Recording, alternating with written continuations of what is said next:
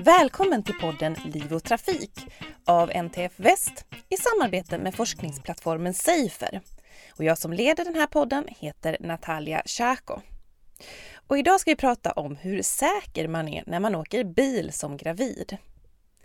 Fyra av tio gravida använder bilbälte fel. Det visade nyligen en enkätstudie från Chalmers och ännu färre har inte fått information om hur man använder bilbälte. Det innebär att både kvinnan och det ofödda barnet i många fall riskerar att skadas allvarligt i en olycka. Men varför ser det ut så här och har något förändrats sedan studien avslutades hösten 2021? Och vem bär ansvaret för att förmedla information om korrekt bältesanvändning? För att försöka svara på det här har vi med oss Anna Karlsson, forskare på Chalmers industriteknik som står bakom studien och hon berättar att felanvändning av bilbälte under graviditet inte bara är ett problem i Sverige. Ja, det började med att jag läste en eh, artikel eller ett vetenskaplig publikation från England där jag såg att det var en stor andel felanvändning av bilbälte bland gravida kvinnor och att det var många som inte hade fått information om hur man skulle ha bältet och att eh, eh, det här är något, ett område som eh, man har glömt av, verkar det som. Och då vill jag ta reda på om det ser likadant ut här i Sverige. Jag var helt enkelt nyfiken. Och hur såg det ut i Sverige? Nej, vi, det var likadant här, att det är många som inte får information och att det är många som när de har fyllt i enkäten då har eh, indikerat fel alternativ, alltså hur man inte ska ha det då. Utan det var en stor andel, tycker jag då, som inte visade på korrekt användning. Vad var det för typ av felanvändning då? Alltså det fanns alla möjliga variationer. En, en hel del, eller inte hel del, men en förvånansvärt många svarade att de placerade märket, eller att de placerade bandet rakt över magen och det ska man ju absolut inte göra. Varför inte? För om du kommer in i en krock och bältet sitter där så kan det ju skada mjukdelarna och barnet som ligger precis under. Och eh, man ska alltså lägga bältet över höftpartiet så att, att höften, alltså benet i höften tar upp eh, stöten eller kraschen. Mm. Och så ska diagonalbältet ligga över mitt på axeln, mellan brösten, på sidan av magen. Och sen ska man dra åt så att det inte är slack. Och så ska det inte vara vridet heller. Mm. Och fyra av tio då visste inte hur man skulle ha bältet på sig. Ja. Hur reagerar du på de siffrorna? Ja, i och för sig så blev jag nog inte så förvånad för jag hade frågat runt först eh, olika personer som var gravida och sådär om de hade fått information och eh, lite grann om ja, om de kände andra som hade fått information och så vidare. Så jag hade liksom gjort en liten egen undersökning först. Bara i närmaste bekantskapskretsen och så. Så jag insåg ju ganska tidigt att det ser nog likadant ut i Sverige, att informationen inte går ut och att det nog också är en felanvändning. Mm. Det sprids felaktig information på nätet också, hur man ska göra. Mm. Så att eh, det är viktigt att vi går ut med rätt information också. Men du var inte förvånad, men vad tänker du om de här siffrorna, 4 av 10, som inte vet? Jag tycker att vi har lyckats när det gäller när barnen har kommit ut ur magen. Och, och där går ju informationen ut. Jag är lite intresserad av hur, hur vi lyckas där men inte innan barnet är fött. För att det är ju fortfarande samma barn. Liksom. Det är bara på två olika platser. Så att jag förstår liksom inte varför vi inte har tänkt på detta så mycket innan. Där ligger ju Sverige jättelångt framme när det gäller det födda barnet. Och det här med bakåtvända barnstolar och så vidare. Där, är det, där får man information från många ställen och, och den informationen har ju blivit väldigt allmänt känd också. Efter många års av information då. Men i det här fallet så, så tror jag att informa alltså det är ingen som riktigt äger den här frågan. För eh, sjukvården är inte utbildade i trafiksäkerhet på det sättet som de kanske borde vara. Och vi som håller på med trafiksäkerhet, vi kommer inte i kontakt med de gravida på ett naturligt sätt. Så att här finns det ju ett glapp och samma glapp ser man ju i, internationellt också. Så det här är ju inget svenskt fenomen utan ett fenomen i hela världen. Mm. Men det här att det är många som använder det fel, är det något som på, no något, som på något vis syns i olycksstatistiken? Det är ju väldigt svårt att säga för uh, många gånger så vet man ju inte riktigt hur bältet har suttit. Men, men du sa ändå att det är vanligt, inte bara i Sverige utan även i andra länder, att man använder bilbälte fel? De har gjort liknande studier med enkäter och frågor till gravida. Mm. Och eh, baserat på de svaren så har man fått eh, indikationer på att det finns en felanvändning. Mm. Vilka länder har man undersökt detta i? Ja, det finns många länder nu. Eh, det är bland annat Japan, USA, Storbritannien, Frankrike. Sen läste jag någon studie också i Iran. Mm. Så att det är, alla visar på ungefär samma sak. Men de här studierna har visat i alla fall att, att de inte får information och att, alltså att de indikerar fel användning då också mm. i svaren. Men ähm, du sa att du, du var inte förvånad när du fick höra, se, eller när ni kom fram till det här resultatet. Vad var reaktionen från omvärlden? På något sätt så är det ju en fråga som, som um, man kanske inte diskuterar så mycket. Och eh, sen blir man kanske förvånad över att man inte har adresserat den så mycket. Liksom det är mer att, ah, görs inte detta redan? Den, den reaktionen får man. Mm. Och vad tror du det beror på att um, man är så dålig på att komma ut med information till gravida? Ja men det beror nog på det här att, um, att vården inte är involverad i trafiksäkerhetsarbetet på det sättet som och vi som jobbar med trafiksäkerhet är inte inblandade i vården. Så att här finns liksom ett, eh, alltså det är lite vi skulle behöva lite mer samarbete här kanske. Mm. Finns det någon som har ansvar för de här frågorna? Som det ser ut idag?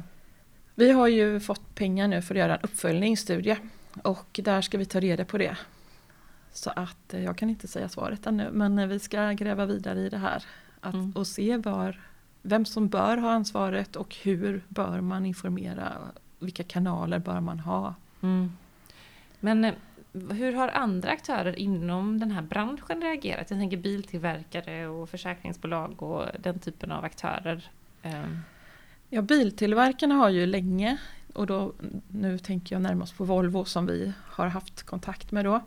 De har ju länge haft information i sin bilhandbok om hur bältet ska sitta under graviditet. Så går man in där och läser så ser man ju informationen. Och eh, det finns även information på deras webbsida har jag sett. Och eh, försäkringsbolaget som vi hade samarbete med, Folksam, de har ju också eh, gått ut kraftigt med information nu till sina försäkringstagare. Då. Mm. Vi har ju även anordnat ett seminarium där representanter då för barnmorskorna i Sverige fanns med. Och eh, de har fått informationen den vägen också. Sen vet ju inte jag om den informationen har nått alla led mm. så att säga. Om de har fått informationen och om det har börjat gå ut information den vägen, det kan jag inte svara på.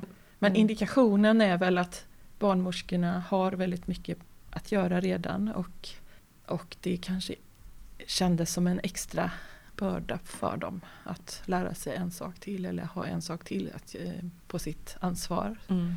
Ja, för det var en del i ert projekt att ni skulle sprida kunskap till eh, barnmorskor också. Men har det gett något resultat som ni kan se nu? Det skulle vara intressant att göra en, en likadan enkät om fem, sex, tio år och se om vi får någon skillnad. Men i det här uppföljningsprojektet där hoppas jag då att, att det ska ge eh, lite mer svar då. Mm. Vilka som bör ge informationen.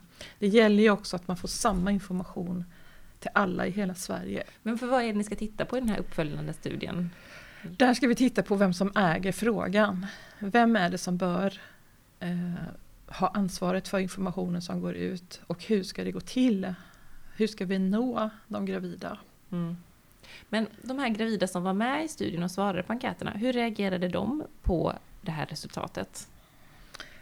De, eh, de fick lämna in eh, fria svar också och det var väldigt många som var jättetacksamma över att vi gjorde studien och mm. att vi överhuvudtaget uppmärksammade det här. Mm. För de hade, många sa att de inte hade tänkt på detta. En del sa att eh, ja, men det är väl inte något konstigt, jag gör väl som alltid gör medan andra uttryckte oro. Hur, hur ska man ha bältet, är det bra och så vidare. Så att det finns nog många som undrar och det hade varit jättebra om eh, de här gravidapparna och tidskrifterna som vänder sig till gravida med jämna mellanrum har information om det här. För mm. eh, Jag tror de är jättebra på det här med information om bilbarnstolar men den här biten måste de också ha med. Mm. Men som vi nämnde tidigare så fick ju den här studien ganska stort genomslag i media. Har det, vad har liksom det lett till om något? Det, det vet ju inte jag. Nej. Här är ju saken att det kommer hela tiden nya generationer gravida. Och eh, bara för att vi hade en informationskampanj, eller säga en stor genomslag vid ett tillfälle, en, kanske under en veckas tid, så kommer ju det inte hjälpa nio månader senare. Mm. De kommer ju en ny generation. Så det är liksom ett kontinuerligt arbete? Det är ett kontinuerligt till. arbete som måste till. Mm. Men ehm, det här med att just i det här fallet handlar det om gravida, men hur eh, kvinnor och eh, ja, gravida då eh, i allmänhet när man ser till trafiksäkerhets trafiksäkerhetsarbete eller trafiksäkerhet generellt, kan man se någon skillnad mellan hur kvinnors säkerhet behandlas i det här, när man pratar om det här området, om trafiksäkerhetsområdet? Det är ju så att eh, när man ut, utvecklar säga, säkerhetssystemen i bilarna så utgår man ju ofta från en medelstor man som krockdocka. I dagsläget finns det ju inte någon krockdocka som motsvarar en medelstor kvinna som används. Och det gör ju att vi får en, ett fokus på män. Mm. För det, visst finns det, det finns någon typ av krock, kvinnlig krockdocka men inte en medelstor? Nej precis, det finns ju en, en liten kvinna och den är ungefär i storleksordningen som en 11-12-åring. Vi riskerar ju att uh, tappa säkerheten för just en stor majoritet kvinnor om vi inte provar ut säkerhetssystemen till, alltså till den storleken på kropp. Mm. Människan kan ju se väldigt olika ut. Mm. Men om vi tittar på alltså majoriteten, alltså det finns ju, ofta har man ju som en normal fördelning av hur, hur, ehm, alltså hur längden varierar i befolkningen. Och eh, när det gäller krockdockor så har vi den lilla kvinnan som representerar den väldigt korta delen av kvinnorna och sen så har vi nästa storlek som en medelstor man som möjligtvis kan representera då de längre kvinnorna men däremellan saknas där majoriteten av kvinnor kanske ligger. Mm. Det kanske vi i framtiden eh, bättre kan adressera med simuleringar av, krock, av krockar. Så att eh, det här är väl ett pågående arbete att se. Vad tror du det beror på att det ser ut på det sättet? Jag tror att det beror på att män i betydligt högre utsträckning än kvinnor dödas i trafikolyckor eller i bilolyckor. Men det beror i sin tur på att män åker mer i bil, åker längre sträckor i bil, eh, att de är mindre andel män är bältade jämfört med kvinnor. Det är en högre andel män som åker, kör bil under påverkan av alkohol. Eh, det är fler män än kvinnor som kör med, alltså de tar risker i mm. trafiken. De kör oförsiktigt. Och eh, tar man hänsyn till alla de här faktorerna som skiljer mellan män och kvinnor då visar det sig att kvinnor har högre risk för såväl lätta till allvarliga skador som dödsfall i krockar. Så att det beror på vilka glasögon man har på sig. Om man har på sig antal, ja då är männen i majoritet. Men är det risk, då är kvinnorna i högre risk. Är det här på väg att förändras? Eller tar man hänsyn till de, de här olika kroppstyperna? Eller tar man hänsyn till då liksom kvinnor när man testar när man gör nya säkerhetstest? Jag tänker att det här kan vara något som, som hänger kvar sedan tidigare, men hur ser det ut idag? Det finns eh, studier som visar på att skillnaderna minskar mellan män och kvinnor i risker. Men det finns en risk som står ut och det är whiplash-skador. Där eh, har kvinnorna betydligt högre risk än män fortfarande. Och eh, vi har i alla fall i de svenska studierna inte sett någon jättestor nedgång. Så som vi har sett på andra typer av skador. Mm. När det gäller långtidskonsekvenserna i alla fall av skadorna. Jag tänker just med, om vi går tillbaka till gravida, hur ser det ut bland, i, liksom bland olyckor? Är, är det fler olyckor bland gravida? Um, om man ser proportionellt sett om man ser till, jämfört med resten av befolkningen? Att, att gravida skadas i trafikolyckor menar jag då? Ja, det är en större andel gravida kvinnor, i alla fall i eh, andra trimestern, mm. tror jag det heter, som söker upp vården på grund av en bilkrock jämfört med kvinnor som inte är gravida. Det tycker jag är lite intressant och försöka förstå vad det kan bero på. Men om man, jag tänker bara det här med felanvändningen av bilbälte i den här gruppen, kan man jämföra det det, finns det någon parallell i någon annan grupp där man, att man använder bilbälte fel? Eller den typen av säkerhetsutrustning fel? Eller sticker det ut på det sättet, att felanvändningen är så hög? Ja, det är svårt att säga. Ehm, det är många kvinnor som har svarat på, gravi, eh, på den här gravidstudien eller på gravidenkäten de har sagt att, eh, det, att de tycker det är väldigt obehagligt eller irriterande att bältet hamnar mot halsen. Mm. Alltså bältet vill liksom inte ligga mellan brösten mm. så som rekommendationerna säger utan det, är, det halkar åt sidan och lägger sig mot halsen istället så att de sitter och aktivt drar undan med handen eller något annat. Så då är det egentligen inte anpassat för gravida heller? Där skulle jag vilja se mera studier på hur bältet sitter på gravida faktiskt.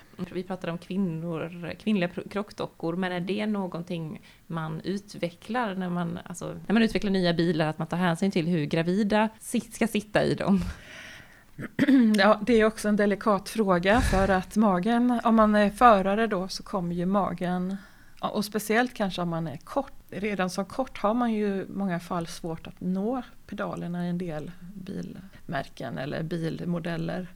Och kommer dessutom en mage i vägen då kanske man överhuvudtaget inte kan köra bilen under de sista månaderna mm. eller veckorna. Det är en intressant frågeställning och eh, frågan är om man kan konstruera bilarna så att det istället ja, att de kanske bättre är anpassade till individen än att individen får anpassa sig till bilen. Jag vet inte, men det skulle också vara intressant att se. Om vi ställer frågan om eh, gravidbälten som är som, en, som ett tillägg då till det vanliga bältet, om jag förstår det rätt. Ehm, har ni mm. tittat någonting på det? Vi har en pågående studie kring detta och eh, den är inte slutrapporterad ännu. Det är väl produkter som snarare ska ses som komfortdetaljer än som säkerhetsprodukter. Och vi behöver veta mer om de här produkterna, definitivt. Så man kan inte säga nu i det här läget hur säkra de är eller om de är bra? Det är, det är en studie som pågår men jag, alltså det säkraste systemet vi har är ett vanligt bilbälte. Och eh, om det placeras på rätt sätt under magen, på höften och så vidare över, alltså på axeln mellan brösten vid sidan av magen så ska de produkterna inte behövas. Men det här med att det är så olika, det, vi är liksom, ser så olika ut men säkerhetssystemen i bilar testas på en typ av kropp. Hur stort, stort problem är det tycker du? Jag frågade mig som har hållit på med whiplash-skador och påkörningar bakifrån så är det ett stort, stort problem. I alla fall den typen av olyckor som jag har tittat på. Så hur går ni vidare med eh, den här studien nu? Är den, eh, är den, du berättade tidigare att ni ska se på ansvarsfrågan. Är det något mer ni ska titta på? Det är de här produkterna också som vi tittar på. Där kommer vi släppa en rapport så småningom. när den, är, när den studien är färdig. Och den här ansvarsstudien, när, när är den planerad? Vi har inte startat upp den ännu, men mm. vi är väl i startgroparna. Men är det någonting du vill tillägga? Ja, det är ju att vi behöver, alltså någon behöver på något sätt äga den här frågan, vem som informerar. Eh, den här frågan är större än bara Sverige. Vi behöver få ut kanske en metod eller ett arbetssätt som eh, även kan användas internationellt. För vi ser ju samma problem överallt. Eh, vi behöver börja tänka tanken att, att det här barnet finns ju. Även om det bara inte har kommit ut ännu så finns det ju. Och att vi behöver tänka på samma sätt som med barnstolarna. Att det ska skyddas även innan det är fött. Och vem, alltså att den informationen som går ut är korrekt. Och att den informationen kommer från många olika håll. Så att vi behöver någon form av samordning här. Och vi säger tack till Anna Karlsson, forskare på Chalmers industriteknik. Och flera avsnitt av podden hittar du på livotrafikpodden.se eller där poddar finns.